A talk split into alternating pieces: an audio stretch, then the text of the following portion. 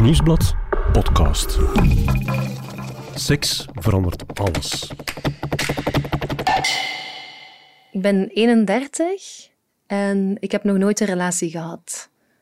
Ik heb eigenlijk alles geïnvesteerd in mijn studies en in mijn job. Mijn succes, denk ik. Alleen ja, ja, ik vind dat wel gênant om, om, om daar nu over te praten, maar ehm, ja, ik heb nog nooit seks gehad. Dus ik, ja, ik ben nog maagd. En ehm, ja, waar dat ik vind, heel erg mee in zit, is zo, hoe kan ik dat dan, stel dat dan ooit zo ver komt, van hoe, hoe zeg ik dat dan aan iemand? En knapt een man daar niet op af? De eerste keer. Het is voor iedereen een mijlpaal, een onvergetelijk moment. Maar wat als die eerste keer uitblijft? Als je 20 wordt? 25? Zeg, proficiat, hè? 30? Kijk je dan nog wel uit naar die eerste keer? Of word je er een beetje bang van? Ik ben Johan Terrein en deze podcast gaat over seks. Over dit, maar vooral ook over dit. Over hoe je seks beleeft in je hoofd. Uiteindelijk alleen jij dat weten. En dat maakt het net zo fascinerend. Eigenlijk is seks een spiegel die van alles vertelt over jezelf en je relaties. En de vrouw die ons die spiegel voorhoudt is relatietherapeute Rika Ponet. Zij neemt ons mee naar haar praktijk, Kom binnen. waar ze de meest intieme dingen hoort. En na al die jaren is er voor Rika één rode draad die door al die verhalen loopt. De mens zingt het, seks verandert alles, maar dat is uiteraard ook zo. hè. Seks verandert alles. Om niet uit het bed te praten, geeft ze deze echte mensen uit haar praktijk een andere naam en een andere stem. Het is iemand met een mooie persoonlijkheid, ziet er ook heel mooi uit. En eigenlijk ben ik vooral heel fier op het traject dat we met haar eh, afgelegd hebben eh, binnen onze organisatie. Ja, de evolutie, de groei die ze doorgemaakt heeft van het moment dat ze de eerste keer bij ons aanklopte tot vandaag. Karen is een knappe vrouw. Fysiek bedoel ik dan. Ze heeft mooie ogen, een innemende glimlach, een lichaam waar veel vrouwen jaloers op zijn. Maar ze toont dat niet. Ze heeft een hekel aan vrouwen die in de kijker lopen door zich sexy te kleden. Karen is burgerlijk ingenieur-architect en maakte recent haar doctoraat af. Ze heeft een straffe academische carrière en werkt veel. Maar ze maakt zich zorgen, want ze is 31 intussen en ze is nog altijd maagd. Ze is wel al verliefd geweest. Ze heeft ook regelmatig dates, maar ze vindt dat veel mannen enkel uit zijn op seks. Zo'n one-night stand, dat ziet ze absoluut niet zitten. Ze wil eigenlijk een man die net zoals zij is, voor wie het ook zijn echte eerste keer zou zijn. Laten we eens teruggaan naar die eerste keer dat ze komt Ja. aankloppen. Wat was jouw indruk van Karen? Toen Karen binnenkwam, zag ik iemand die nogal gereserveerd was. Een heel aantrekkelijke vrouw, goed gekleed, maar nogal heel onopvallend. Niet erg vrouwelijk, zo wat genderloos. En in het gesprek bleek al heel snel dat ja, Karen heel analytisch is en er heel veel behoefte aan heeft om de dingen juist te kunnen kaderen, eh, te doorgronden. Eh, dus ze is heel erg vanuit het hoofd bezig met de zaken van het hart. Ja. Eh, ja. Dat is meestal niet zo'n hele goede combinatie. Nee. Ze had bij mij een notitieboekje bij en ze gaf ook aan dat ze regelmatig boeken leest over relaties, naar dingen luistert, dat je daar heel erg veel interesse in heeft, en dat dan allemaal noteert en daarover doordenkt en dat samenlegt. En, Ze maar wil iets doorgronden. ze wil het doorgronden. wat, is, Ja. wat is eigenlijk de vraag waarmee ze naar jou kwam? Op het moment dat Karen bij mij komt, is ze maagd. Ze had wel al een aantal kortere relaties gehad, maar was nog nooit intiem geweest met iemand. En voor haar is het ook zo, ehm, ja, alvorens ik intiem kan zijn met iemand, moet ik eigenlijk heel zeker zijn dat dat de man van mijn leven is. Oké. Maar ze voelde zich daar ook wat onbehagelijk bij. Ze heeft het gevoel dat eh, iemand die vandaag zo denkt over relaties, dat dat heel onpopulair is. En dat ze daardoor eh, ook afgewezen wordt door mannen, omdat ze ja, daarin te terughoudend is. En ze vooral ook zelf iemand wil ontmoeten die geen ervaring heeft. Oké, dus Karen is begin de dertig, ze is nog maagd. Ja. Ze beschouwt het wel als een probleem, want anders komt ze niet naar jou, neem ik aan. Ja, ze wil vooral een relatie. Maar ze heeft het gevoel dat het feit dat zij tot op vandaag geen seksuele ervaring heeft, dat dat eigenlijk ook het aangaan van een relatie in de weg staat, gezien de huidige relatiecultuur, hè, waarbij dat mensen, en dat heeft ze ook een aantal keer ervaren, als ze uh, date met iemand, um, ja, naar haar gevoel uh, zijn die mannen allemaal uit op heel snelle seks. En ja, ze wil dat niet zomaar weggeven. Zo, uh, zo omschrijft ze Ja. het ook. Ja. Ik kan me ook voorstellen, hoe langer je wacht, hoe kostbaarder of zoiets het wordt. Hoe moeilijker het Ja. vaak wordt. Hè. Ja, Is, is ze daar, eh, op welke manier spreekt ze daarover? Is daar schroom over of is daar ook wel een soort van trots over? Het is dubbel. Hè. Ze beseft enerzijds, of dat is ook haar gevoel, van ik ben toch vrij uitzonderlijk, of bestaat dit nog? Want dat komt ze ook voor een stuk aftoetsen. Ja. Ben ik nu zo'n uitzondering? En anderzijds gaf ze ook aan, ja, ik blijf dat toch wel ook iets heel kostbaar vinden. Ik hoop ooit een man te treffen die mij daar enorm in bevestigt, die dat eigenlijk fantastisch vindt, dat ik mijn... eh, Dat hij haar bloempje nog mag ja, plukken. zoiets. Ja? Ja? Een vrij eh, oude, tussen aanhalingstekens, manier van naar seksualiteit natuurlijk te kijken. Hè. Ja. Ja. Maar is zij een seksloos wezen op dat moment? Ik bedoel, eh, is zij iemand die zichzelf bijvoorbeeld bevredigt? Of, of, Ja, ook, of bestaat dat ehm, niet? Je ziet duidelijk dat, eh, dat, ja, ik zeg dat dan altijd zo, Karen toch een hoofd op pootjes is. Dus ehm, heel weinig voeling heeft met wat er in de rest van haar Lichaam. lichaam gebeurt. Ze eh, masturbeert niet, eh, vindt het ook zelfs moeilijk om naar haar lichaam te kijken. Dat is ook een eh, cultuur waarin ze opgegroeid is, of een opvoedingssfeer. Niet bij elkaar in de badkamer binnengaan. Ja, eh, ze gaf ook aan als ze kleren gaat passen in winkel, dat dat voor haar ehm, toch altijd wel wat stressy is. Hè. Ze heeft er schrik voor dat er iemand ehm, ja, onverwacht het gordijn ja? opentrekt. Ja, voor haar is dat toch altijd een, een moeilijke. Dus ze kiest ook bijvoorbeeld heel bewust de dagen waarop ze gaat winkelen, dat er dan weinig volk rondloopt. Dus ze is daar allemaal zeer bewust mee bezig. En eh, ik begrijp ook goed dat het voor haar belangrijk is dat het de ware is, maar Ja, ook omgekeerd dat de man zelf, die ze dan de ware zal vinden, dat hij geen seksuele of weinig seksuele ervaring Ja, moet dat hebben. was eh, misschien nog het moeilijkste punt, of het punt waar ze het meest eh, op vastliep. Hè, dat ze het gevoel had, ehm, ja, als ik mannen ontmoet, blijkt toch heel vaak op mijn leeftijd nu dat het merendeel wel seksuele ervaring heeft. En voor mij is dat, eh, daar blokkeer ik volledig op. Hè. Dat was ook iets wat ze aangaf. Ehm, en waarom? Ehm, ja, zegt ze, ik heb dan altijd het gevoel dat, dat ik vergelijkingsmateriaal word. Hè. Dat, ehm, dat ik in competitie bijna moet met de vorige In een vrouwen. fysieke competitie In een fysieke dan. competitie met de vorige vrouwen die die man gehad heeft. Ehm, ze gaf ook aan dat als ze... Ze was wat actief geweest op een datingsite. Dat als ze daar dan iemand uitkoos, ze eh, eigenlijk heel bewust voor de kneusjes een beetje ging. Ja, de minder aantrekkelijke mannen. Maar ze had ondertussen ook ondervonden dat ja, zo de stille waters eh, niet altijd... Nee, niet altijd een diepe grond hebben. Ah, hè. zo, Eh, ja. Mhm. Soms gewoon met reden stil zijn, hè, dat er weinig, eh, weinig grond is. Ehm, en ook ehm, ja, dat mannen met zo heel weinig ervaring eh, ook niet zo heel verbindend zijn. ehm, Misschien ook niet zo zelfzeker zijn. ook niet zo zelfzeker zijn of heel sterk met hun eigen beleving bezig zijn. ehm, en het dan ook moeilijk was om daar een echte connectie mee te hebben. Als ik date heb ik het gevoel dat mannen maar uit zijn op één ding eigenlijk. Mij zo snel mogelijk in een bed krijgen. En ja, sorry, zo'n one-night stand of zo, dat is echt niets voor mij. Ik zou eigenlijk ook liever, ik denk, iemand hebben met niet te veel zelfvertrouwen. Of ja, die moet er eigenlijk zelfs niet eens goed uitzien. En het zou mij ook niet kunnen schelen, moest, moest die zelf ook niet veel ervaring hebben. Ja, ik denk omdat hij mij dan niet kan vergelijken met alle vrouwen die hij daarvoor al heeft gehad. Daar ben ik heel bang voor, dat hij mij dan zo'n zo'n onervaren seut zou vinden of zo.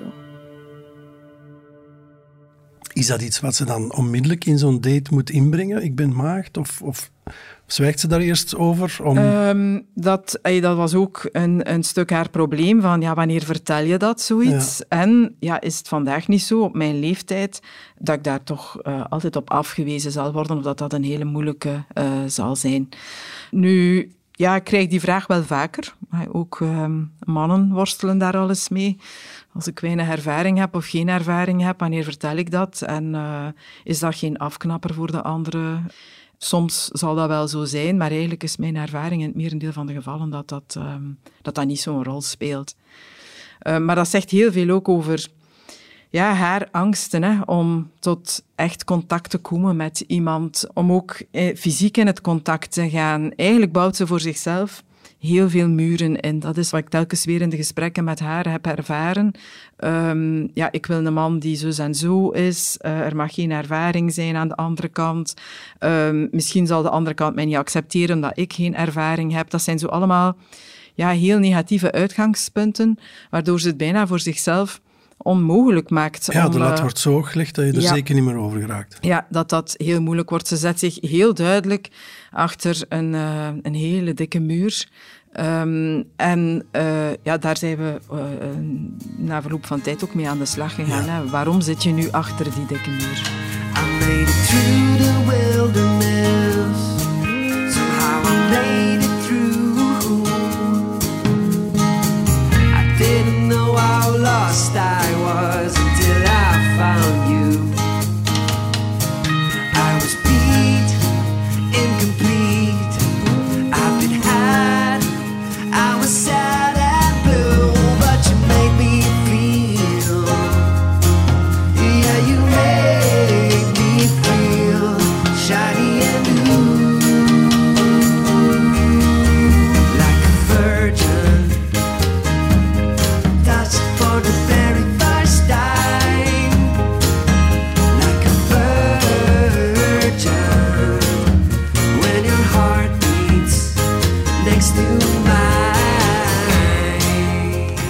Van de eerste keer was er lang voorspel, wat dat belangrijk is, denk ik, om je goed op je gemak te voelen. Maar daarna was het klungelen, hè. was het duwen en dat lukt niet en opnieuw proberen. En ja, dat, dat doet dan pijn, maar dan moet je vooral heel lief zijn voor elkaar en ook zeggen dat je pijn hebt. En dat is zo'n worsteling. Oh, ik heb pijn, maar ik wil het toch doen. En dan zo, heb ik nu pijn of is het nu leuk? En ik weet het allemaal niet meer. En dat is eigenlijk gewoon enig chaos in mijn hoofd. Maar wel tof. Allee, dat is ook een, een heel uniek moment of een intiem moment om samen te beleven.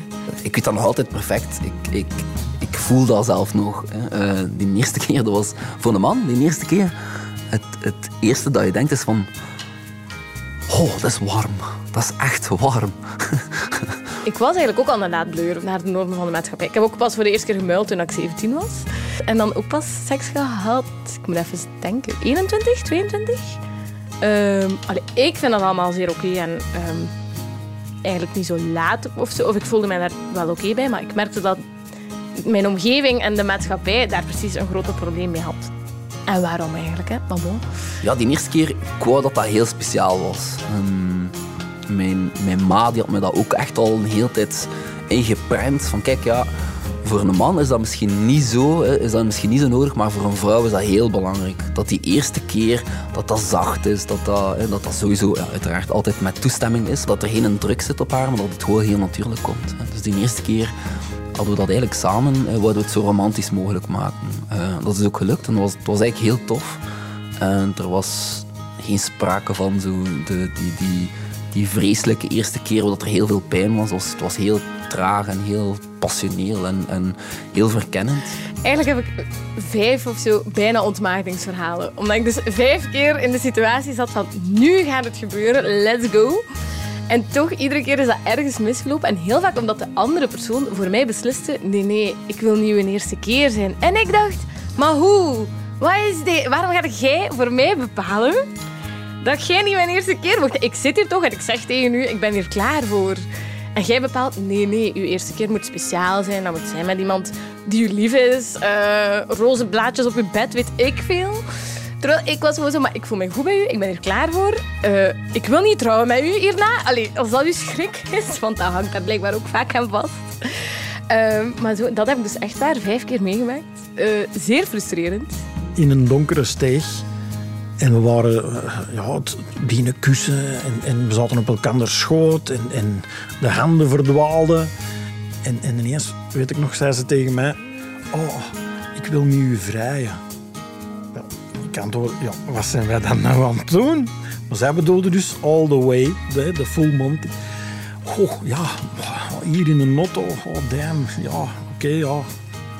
Je zit opgewonden, het moet er toch eens van komen. Hè?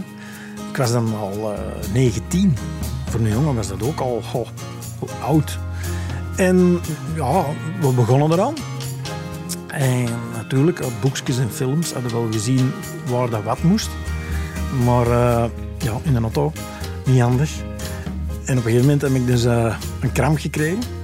Ik ben uit die auto moeten gaan voor te stretchen. En eh, ja, als je dan zo in een donkere steeg met je broek op je winkel staat te stretchen tegen een auto... Nee, dat is niet, nee, dat is niet bevorderlijk voor de sfeer.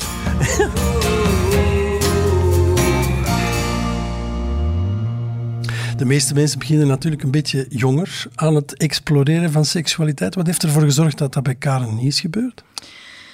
Ik denk dat dat toch haar achtergrond en, ehm, en haar opvoeding is geweest. We hebben daar ook vrij uitgebreid over gepraat. Niet dat dat ook het eerste gesprek is dat je dan met iemand hebt, want het blijft ook een moeilijke om daar... ah, Je bent daarin opgegroeid. Je gaat er ook vanuit dat dat een... Vanzelfsprekend Dat dat is. vanzelfsprekend Ja. is, dat dat een normaal kader is. Maar in de loop van de gesprekken kwam toch heel sterk naar voren dat... eh, ja, zij is enig kind, heeft nogal een heel sterke band met haar mama. En eh, had een, eh, ja, een papa die carrière maakte of gemaakt had en heel vaak in het buitenland verbleef. Dus een heel afwezige vader, zoals dat dan genoemd wordt. En een moeder die toch nogal een negatief manbeeld had of heeft. ehm, en haar heel erg bang maakte ook voor wat al de slechte bedoelingen van mannen kunnen zijn. Hè? Dat mannen niet betrouwbaar zijn, dat mannen alleen daarop uit zijn, dat je toch moet opletten. Eh, een zeer angstig negatief manbeeld sprak daaruit. Ja. Ja. Maar dat zijn dingen waar je ook tegen kan rebelleren of zo. Dus ze, ze pakten het kader mee over. Ja, ik vermoed dat eh, ook het feit dat ze enig kind eh, was of is en eh, door die mama ook heel kort bij werd gehouden, want dat was ehm, toch ook een belangrijke. Het was duidelijk dat die moeder ook, ehm, ik vermoed, eenzaam was. En heel veel van haar behoeftes daar een invulling rondzocht bij, bij de dochter. Dus ehm, nog, een nogal symbiotische relatie, waarin eh, ja, een kind bijna een halve partner wordt voor, eh, voor de ouderfiguur. Ehm, en waardoor ehm, zij zich daar ja, ook maar beperkt heeft kunnen in ontwikkelen. Ehm, heel hard ook eens beginnen inzetten op, op studeren. Dat is altijd de primus van de klas. eh, het perfecte kind, met alles in orde. En ook later naar de universiteit gegaan, eh, heeft gedoctoreerd. Dat zit allemaal in die sfeer. En dan zie je dat het inzetten op die domeinen, eh, ja, dat lijkt alsof mensen dan hun talenten ontplooien, maar eigenlijk in haar verhaal zeker is daar zoveel tijd en energie naartoe gegaan eh, dat je de vraag kan stellen... ehm, ja, heb je Diende het voor iets anders? ja, heb je dit eigenlijk niet gekozen als een totale invulling van je leven, zodanig dat je vooral ook niet met dat andere domein moest bezig zijn? En dat herkende ze wel of erkende ze wel. Eh, dat was veilig, hè? want als ze daar iets deed, het lukte altijd, het ging goed. Hè? Dat gaf een gevoel van controle. Dus de angst voor die seksuele ervaring heeft gemaakt dat ze die heeft uitgesteld en Ja, zich op iets anders heeft gefocust. Absoluut. Dat ze dat, en ook eigenlijk de angst voor het relationele in het algemeen. Want als er nu één domein is waarover we ja, geen controle hebben, dan is het altijd opnieuw weer het ehm, in contact gaan met de anderen. Het opzoeken van acceptatie, maar ook afwijzing. En je ziet ook dat ze dat in haar tienerjaren, in haar jongvolwassenheid, is dat ook iets wat in een vriendengroep speelt. Eigenlijk doen mensen hun eerste ervaringen vooral daarop. Je probeert eh, geaccepteerd te worden door de groep, beste vrienden maken. Dat zit allemaal in die pre-fase naar ook een, een eh, eerste romantisch contact. En ook daar zie je dat ze zich daar een stuk uitgehouden heeft. Door altijd de primus te zijn, de beste te zijn, ja, plaats je ook een beetje buiten die groep. Maar op het moment dat jullie in gesprek gaan, komt daar wel een besef rond. Ja, natuurlijk, ja, ze, is dertig ehm, en er is ook iets, zoiets als een biologische klok die begint te tikken. Eh, ze ziet in haar omgeving dat eh, de meeste mensen van haar leeftijd gesetteld zijn en kinderen al begonnen zijn. Ze wil dat zelf heel graag. En ehm, ja, ze geeft ook aan, ik sta nu eigenlijk professioneel waar ik wou staan. Ik heb, ehm, eh, ja, ze staat dicht bij het halen van ehm, haar benoeming als professor. Ja. Dus daar heb ik bereikt wat ik wou bereiken. En nu kunnen we eventjes aan het andere Dus domein er beginnen ontstaat een beetje ruimte om ja, toch iets om, ja, om, te om doen aan dat andere te stuk. Doen. En ze benadert dat dan ook op de wijze zoals ze bijna die carrière benaderd heeft. Ja. Van, eh, ik ga dat stapsgewijs doen, we gaan daarin investeren, ik maak daar tijd voor. Het klinkt bijna als een economisch plan. Mhm. En dan, eh, ja, dan, eh, dan moet ik ergens tot een resultaat komen. Hè. Dus een hele rationele oefening. Rika, ik weet dat je probeert om het aanbod aan beschikbare mannen voor mij zo breed mogelijk te houden. Maar ik vind ook dat ik ergens recht heb op een partner die geen ervaring heeft. Die wel vindt dat we voor elkaar geboren zijn. Ik heb veel kansen gehad om seks te hebben. Enkele kansen gehad om een relatie aan te gaan, waarvan ik wist dat ze weinig kans op slagen hadden. Ik heb die bewust niet benut om mijzelf te sparen van pijn en om mijn toekomstige echtgenoot fier te maken op mij. Op die manier hoopte ik om op te vallen tussen een heleboel meisjes die het niet zo nauw nemen met hun zelfrespect. Er zijn ook studies hè, die bewijzen dat als mensen huwen met een eerste seksuele partner, de relatie duurzamer is en beide gelukkiger zijn met hun seksleven. Maar als de lat zo hoog ligt, hè, als je zo echt zegt, ik bewaar het voor de Ja. ware, hoe ga je dan in exploratie? Uiteindelijk, wat eh, ja, de eerste opdracht was, dat was het kijken naar het eigen lichaam en het eh, durven ervaren, ja, wat, wat speelt er bij mij of wat voel ik? En eh, hoe kijk ik naar mijn eigen lichaam? Het ging dan ook over masturbatie. Ja, wat is seksualiteit voor jou? Ehm, en ja, wat is lichamelijkheid? Hè? Wat, als je daar eh, op doordenkt, wat voel je daarbij? Hè? Wat ervaar je dan? En dat bleek al een enorme opdracht te zijn. Je Ehm, gaf er letterlijk een oefening mee, zeg ja. maar. Ja. Ik heb een oefening meegegeven op het moment dat we het bijvoorbeeld ook hadden over dat ze het heel moeilijk had om eh, foto's van zichzelf te laten nemen. Dus ze vindt zelfs de, de confrontatie visueel eh, met wie ze is en hoe ze eruit ziet, terwijl dat een mooie vrouw is. Hè. Ehm, ja, vond ze een hele moeilijke. En ehm, een exploratieoefening die we dan toch gedaan hebben was... eh, als je ochtends opstaat, dat is ook iets wat ik haar gevraagd had, wat doe je dan? Hè? Mensen staan op, eh, kijk je dan naar jezelf in de spiegel? Ehm, en dat deed ze dus niet. Hè. Ze zei van, ja, ik doe dan eh, uit wat ik aan had s s'nachts en ik ga direct de douche in en dan kom ik eruit en dan kleed ik mij aan en dan pas kijk ik in de spiegel om wat opmaak te doen of mijn gezicht te verzorgen, mijn haar te kammen. En dat was de opdracht van, oké, als je ochtends nu je slaapkleed uitdoet, ga dan eens naakt voor de spiegel staan en kijk eens naar jezelf op een hele rustige, bewuste manier en ja, laat mij eens weten wat dat met jou doet als je dat doet. En, en ja, kijk zo eens een, een aantal minuten heel bewust naar jezelf, naar je borsten, naar je benen, naar je buik. Wat doet dat met jou? En dat bleek al Een hele zijn. ongemakkelijke oefening te Ja, zijn. maar ik word ook al ongemakkelijk als je dat zo zegt. Ja, Ja, omdat je het zo bewust moet gaan doen. Hè? Bedoel, Ja. Al die dingen zijn natuurlijk op zich is dat... gepasseerd als, je, als je jong bent. Maar als je dat zo bewust moet doen... Het is een oefening die ik wel vaker maak met mensen. Ook als mensen wel een actief seksleven hebben, maar er bijvoorbeeld moeilijk kunnen van genieten, eh, omdat ze moeilijk in hun lichaam blijven of terwijl ze bezig zijn aan hun was aan het denken zijn, dat soort zaken. Of de vlek op het plafond aan het observeren zijn. Eh, hoe blijf ik nu in mijn lichaam? En dan zie je dat daar heel vaak toch ook een vorm van ja, moeilijke zelfacceptatie zit. Van vind ik mezelf wel aantrekkelijk? En als dat er niet is, eh, het ook moeilijk hebben met jezelf te tonen aan de anderen. Want dan ben je zo bewust van ja, wat je allemaal niet mooi vindt, dat je er ook van uitgaat dat dat ook voor de anderen niet aantrekkelijk is. Hè? Van, gaat hij niet te veel mijn ribbel daar zien of mijn plooi daar?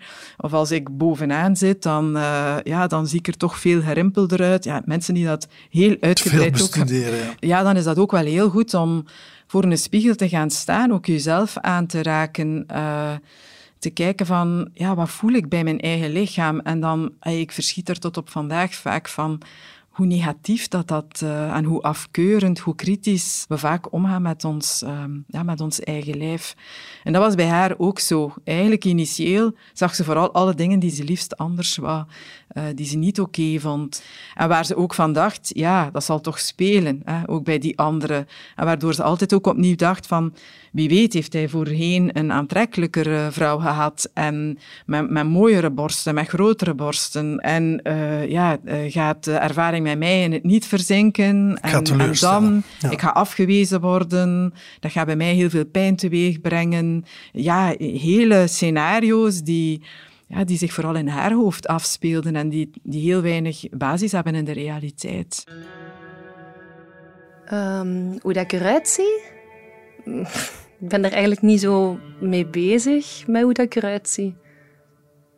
Maar ik kijk, ik kijk eigenlijk bijna nooit naar mezelf in de spiegel. En gelijk op foto's of zo, zie ik mezelf ook echt... Nee, ja, zie ik mezelf niet graag. Zo... Ja, je hebt zo van die vrouwen die zo heel erg zo de, de aandacht trekken met zich opmaken of zo kledij. Ja, ik vind dat zo, zo sexy kleden. Of... Ik heb daar eigenlijk ook niet zo veel respect voor of zo. Mm, heb ik nood aan seks? Verlang ik naar intimiteit? Ik weet het niet. Mezelf aanraken of zo voelen wat dat met mij doet, dat, dat is echt nog een stap te ver, denk ik. Ik vind dat, ik, ik vind dat heel, ja, ik vind dat heel moeilijk. Je beschrijft die spiegeloefening, hè, dat kijken naar je lichaam, dat aanraken. Ik neem aan dat er dan ook een soort opbouw is naar het beginnen zoeken, spelen met jezelf. eh, Masturbatie. ja. ja. Zeg het maar, ja. het woord. Ja, dat is een woord dat ze niet zo graag eh, hoorde. Ik voelde ook bij haar dat het heel belangrijk was dat mijn woordkeuze een beetje juist was. Ehm, dus wat blijven in de sfeer van ja, genieten van jezelf of eh, opgewonden geraken, dat wel.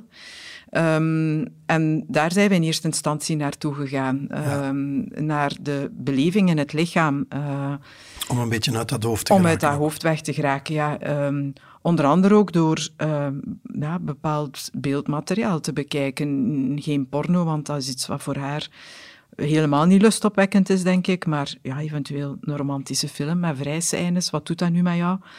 En dan ook zichzelf aanraken. Ehm, wat zijn voor jou gevoelige zones, erogene zones? Ken je die? Ehm, ja, durf je naar de klassieke erogene zones te gaan? Durf je die aan te raken? En kijk dan vooral ook eens naar je gezicht, wat dat doet met jou als je opgewonden wordt. Naar je ogen, naar je gezicht. Ja, helemaal eigenlijk in de beleving gaan. Ja, lijkt me toch een hele oefening. Ja, en dat is heel stapsgewijs gegaan. Hè. Ze, maar eh, ook heel typisch aan haar was, ze wou dit heel goed doen. Ah, ja, ja. ze, dat- ja, ze Beste had, leerling van de klas en ook op dat Absoluut, ge- ja. gebied. Dus, en in die zin is dat heel fijn om met zo iemand te werken, omdat je voelt de, het verlangen om ook daarin zich als mens te ontplooien was wel Ja. heel groot. Eh, alleen was dat voor haar zeer moeilijk om vanuit eh, haar hoofd, wat altijd goed gewerkt had, om vanuit het hoofd de dingen te benaderen, nu naar beleving te gaan. En eh, de oefeningen die ze meekreeg, deed ze zeer getrouw en eh, bracht ze ook heel getrouw verslag van uit. Nu brandt er een vraag op mijn lippen, want ik zie plots het beeld terug van die notitieboekjes. Is ze dan vanuit Ja. die belevingen ook terug beginnen analyseren? Ze schreef wel alles op. Hè. Ehm, ook wat ze dan ja, bij zichzelf vaststelde voor die spiegel. Ze wou dat dan ook heel nauwkeurig overbrengen, mailde daarover, eh, sprak met mij daarover eh, tijdens onze livegesprekken. En ze had dat allemaal bij, ze had dat ook allemaal opgeschreven.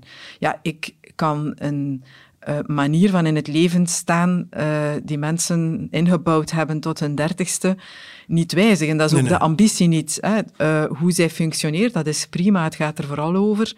Ja, zijn we ook in staat om niet alleen vanuit het hoofd, maar ook in eerste instantie vanuit de ervaring, vanuit de beleving, dingen te benaderen en vooral van die beleving ook toe te laten, want dat was de, de essentie, denk ik. Maar is ze er bijvoorbeeld ook in geslaagd om op den duur die gedachte los te laten dat er ja, ook een ervaringloze man moest gevonden worden, waarmee Ja. ze dan allebei voor de eerste keer... Ehm, dat heeft ze op een bepaald moment dan toegestaan. Hè. We zijn ook aan een datingtraject begonnen. En eh, ja, omdat ik ook aangaf, kijk, het is niet omdat je met een man afspreekt die ervaring heeft, dat je daarmee moet trouwen. Hè. Want dat was ook altijd zo ze zag direct altijd het hele scenario en altijd in negatieve zin. Ja, als hij al ervaring heeft eh, en ik heb dan met hem seks en het blijkt dan toch niets te worden, ehm, hij eh, weet dan misschien al goed hoe dat hij daarmee moet omgaan met een afwijzing die ook op dat niveau zich afspeelt. Ik ga in zak en as zitten, eh, ik ga dat niet overleven. En je ziet dat er heel veel angsten leefden bij haar. Ehm, en door niet naar de berg te kijken of de top die je wilt bereiken, maar uh, ja, dat voor te stellen als het is maar een eerste stap. Hè. Je spreekt met iemand af. Je hoeft daar verder ook um, niets mee te doen. Je behoudt ook de volledige controle over zo'n afspraakje. Dat ze het ook aandurfde van laat mij nu maar eens afspreken met een ander type man. Iemand die misschien dan ook inhoudelijk wat beter aansluit bij wie ik ben. En er gewoon bijnemen dat die man effectief seksuele ervaring heeft of al een relationele ervaring heeft met seksualiteit. Bij. Ja, dus dat stond ze op de duur wel. Ja, daar ging ze op de duur in mee. Ja. Hmm. En zijn er dan mannen gepasseerd die ze interessant is beginnen vinden? Er is een heel uh, betekenisvolle ervaring geweest, waar ik ook merkte dat dat uh, voor haar um, heel veel teweeggebracht heeft en haar ook heel erg verder geholpen heeft in dat traject. Het deed me bijna denken als iemand die op 16, 17 jaar een eerste echt lief heeft. Zo. Dus ze is verliefd geworden op een man die effectief ervaring had. Hij had daar dat heel goed uitgelegd dat hij dat helemaal niet zag als een vorm van competitie en haar zeer uniek vond. En ik denk de wijze waarop hij haar bevestigde dat ze dat ook echt geloofde. Dus uh, vanuit die ervaring kreeg zij ook een beeld van ja, wie weet moet ik dat effectief maar loslaten en uh, kan het ook wel heel uniek zijn met iemand die daarin wel een achtergrond heeft. Ze zijn een tijdje met elkaar opgetrokken en uh, ze heeft daar ook ja, naar haar normen een relatie effectief mee gehad. Ze zijn ook Begrijp ik nu dat er ook seksuele ervaringen zijn Ze gebeurd? zijn intiem geweest, maar niet vaginaal intiem. Maar Eh, toch al verder dan wat ze toch ooit... veel eh, ja. verder dan wat ze ooit geweest was. Ja, En heeft het haar deugd gedaan of heeft het haar verward? Eh, het, ja, ze vond het heel pijnlijk als het afgelopen was. Ze heeft daar ook effectief wel van afgezien. Maar anderzijds ja, gaf het daar ook een stuk, of heeft het haar een stuk kracht gegeven. Ze gaf dat ook aan. Ja, ik weet nu hoe zoiets kan lopen. En ook vooral als het dan afloopt. Uiteindelijk was er toch onvoldoende potentieel om daarmee verder te gaan. Zowel van mijn kant als van zijn kant. Maar ja, op de een of andere manier overleef je dat blijkbaar toch wel. En je verliest geen deel van jezelf. Want dat was ook haar diepe angst, denk ik.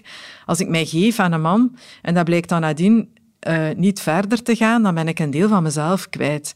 Maar dat ze dan ook op die manier ervaren heeft, ja, dat hoeft helemaal zo niet te zijn.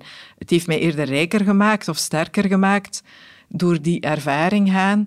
En eh, ik kan mij nu misschien met meer zelfvertrouwen of met een beetje meer zelfvertrouwen openstellen voor een volgend contact.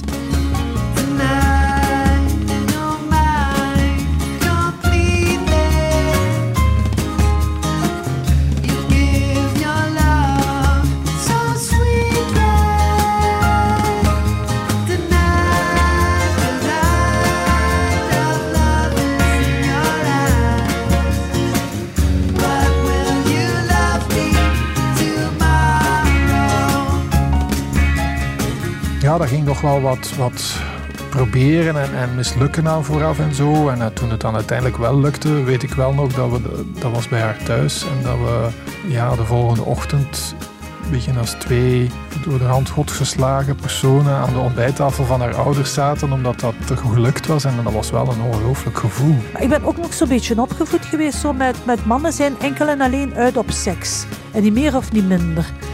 Bij een vrouw blijft dat toch in haar achterhoofd spelen.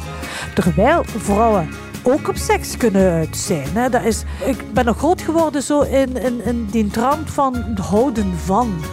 Terwijl intussen, door al die jaren, stelt je toch wel vast...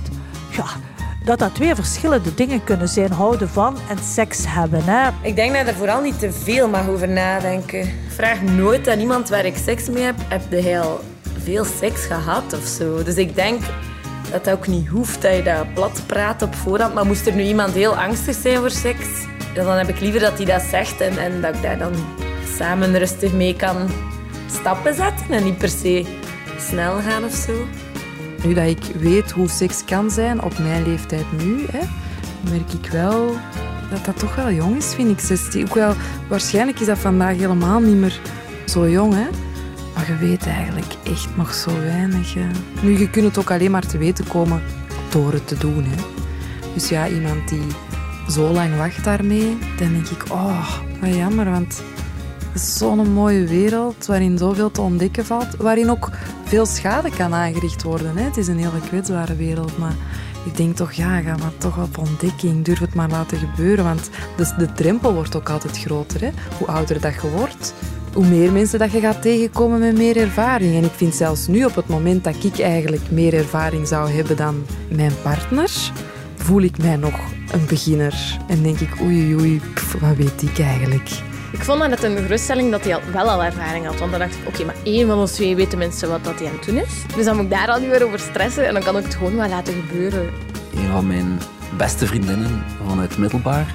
Dat was een van de, van de weinigen die nog geen seks had gehad. Eh, en die had me toen gevraagd van kijk, ik zou graag willen dat je mij ontmaakt. Dat ik het gewoon achter de rug heb. Dat, ey, dat, eh, let's get it over with. Dat dat niet zo een, een, een zwaar juk op mijn schouders blijft. Als je maagd bent op iets later leeftijd, hè, moet je gaan kiezen tussen iemand die ook nog geen ervaring heeft. Maar ik denk dat dat heel moeilijk is, omdat je allebei met die, met die stress en met die druk zit van oké, het moet hier gaan gebeuren. En geen een van de twee weet wat er effectief moet en wat er verlangd wordt. En, en die man heeft dan misschien wat faalangst, want ja, oei, het moet hier ook wel perfect zijn. Die vrouw heeft ook zoiets van, ja, oeh, dat moet hier ook wel perfect zijn. Ik denk dat voor een laadbloeier, zowel man als vrouw, dat het geen slecht idee is om iemand te ervaren, iemand vanuit de vriendenkring, dat dat een soort van ja, friends with benefits, one night stand, mentor kan, kan worden. Ik denk gewoon die de eerste keer, ergens moet je dat gewoon een keer achter de rug hebben. En een keer als het achter de rug is, dan, ja, ik ken niemand die denkt van, seks vind ik echt niet tof.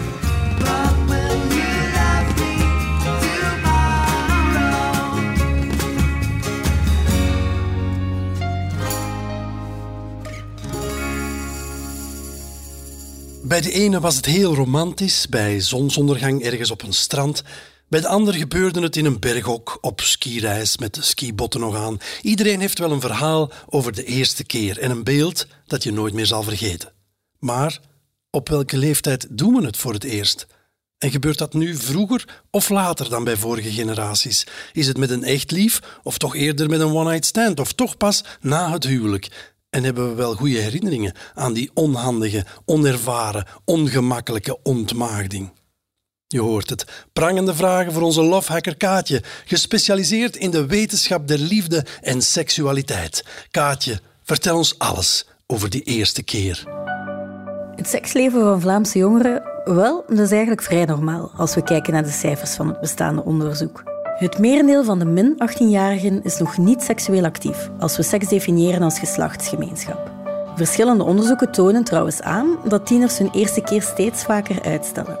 En de grootste verschuiving die zien we bij meisjes tussen 17 en 18 jaar. In 2014 zei nog bijna 53% van hen dat ze al ervaring hadden met geslachtsgemeenschap. Vier jaar later was dat nog zo'n 41%. Volgens Sensoa heeft veel te maken met het feit dat jongeren een zekere maatschappelijke druk voelen om hun leven eerst op andere vlakken op de rails te krijgen. Ze moeten uitblinken in hun studie, ze moeten reizen, ze moeten populair zijn bij vrienden.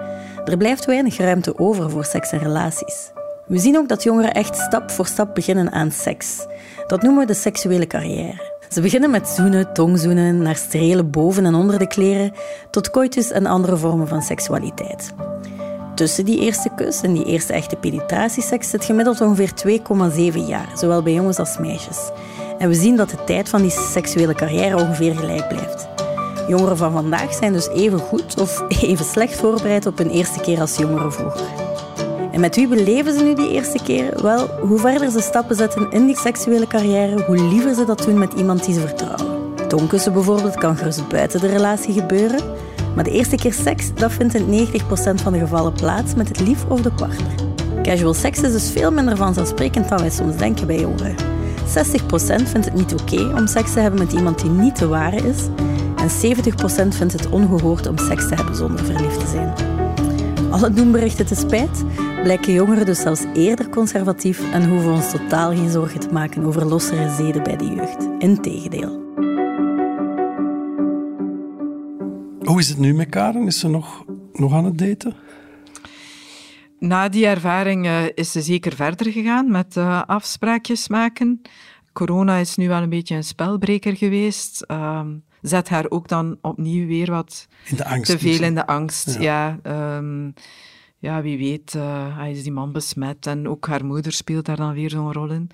Maar ja, dat heeft ook zijn tijd nodig. Hè. Het is ook niet een vorm van herprogrammeren waarmee wij bezig zijn. Als je ziet dat het merendeel onder ons ergens dat traject doorloopt tussen 12 en 223, Ja. wat toch een tijdspanne van 10 jaar is. Eh, ik zeg niet dat het eh, bij haar zo lang zal duren, maar ehm, ja, ook eh, de ontwikkeling op dit domein bij haar zal toch wel zijn tijd vergen en gebeurt stapsgewijs, ervaring na ervaring. Ehm, maar Gaat het belangrijkste moeizamer op je 31 dan op je 16, zeg maar? Eh, het gaat moeizamer, omdat als je 16 bent, is eh, zo goed als iedereen daarmee, Daarmee bezig, bezig. ja. En als je in de 30 bent, is dat een eh, oefening die, ja, waar minder mensen mee bezig zijn. Wat niet wil zeggen dat dit een abnormaal of een uitzonderlijk verhaal is, hè, want dat wordt ehm, misschien snel gedacht. Iemand die op zijn dertigste nog seksueel moet debuteren, dat is toch uitzonderlijk. Ja, alle onderzoek toont dat ook aan, hè, dat wat zij doormaakt of waar zij nu staat, dat dat ehm, helemaal niet zo bijzonder is of zo uitzonderlijk is. Ehm, we doorlopen veel individueler dit soort van trajecten dan, eh, dan vaak ja, voorgeschreven of gedacht wordt. En, ehm, dus in die zin is zij zeker niet eh, geen, uitzondering. uitzondering. Absoluut niet, ja. En ik onthoud toch vooral ook dat zij ondertussen al wel een seksueel actief wezen is. Hè?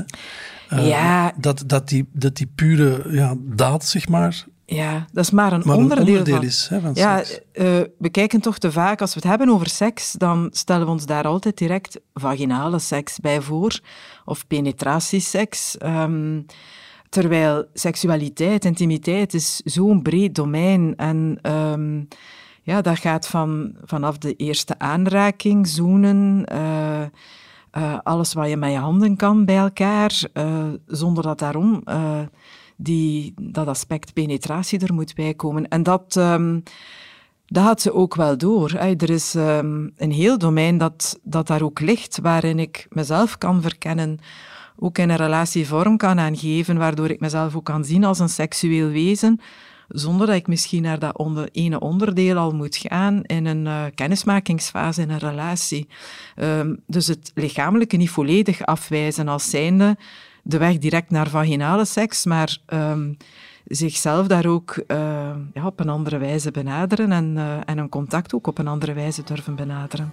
En zo is de lat bij Karen iets lager komen te liggen. Ja, of laat ons zeggen, ze is vooral wat gezakt vanuit haar hoofd richting haar lichaam. En eh, ja, dat vond ik persoonlijk de mooiste verwezenlijking.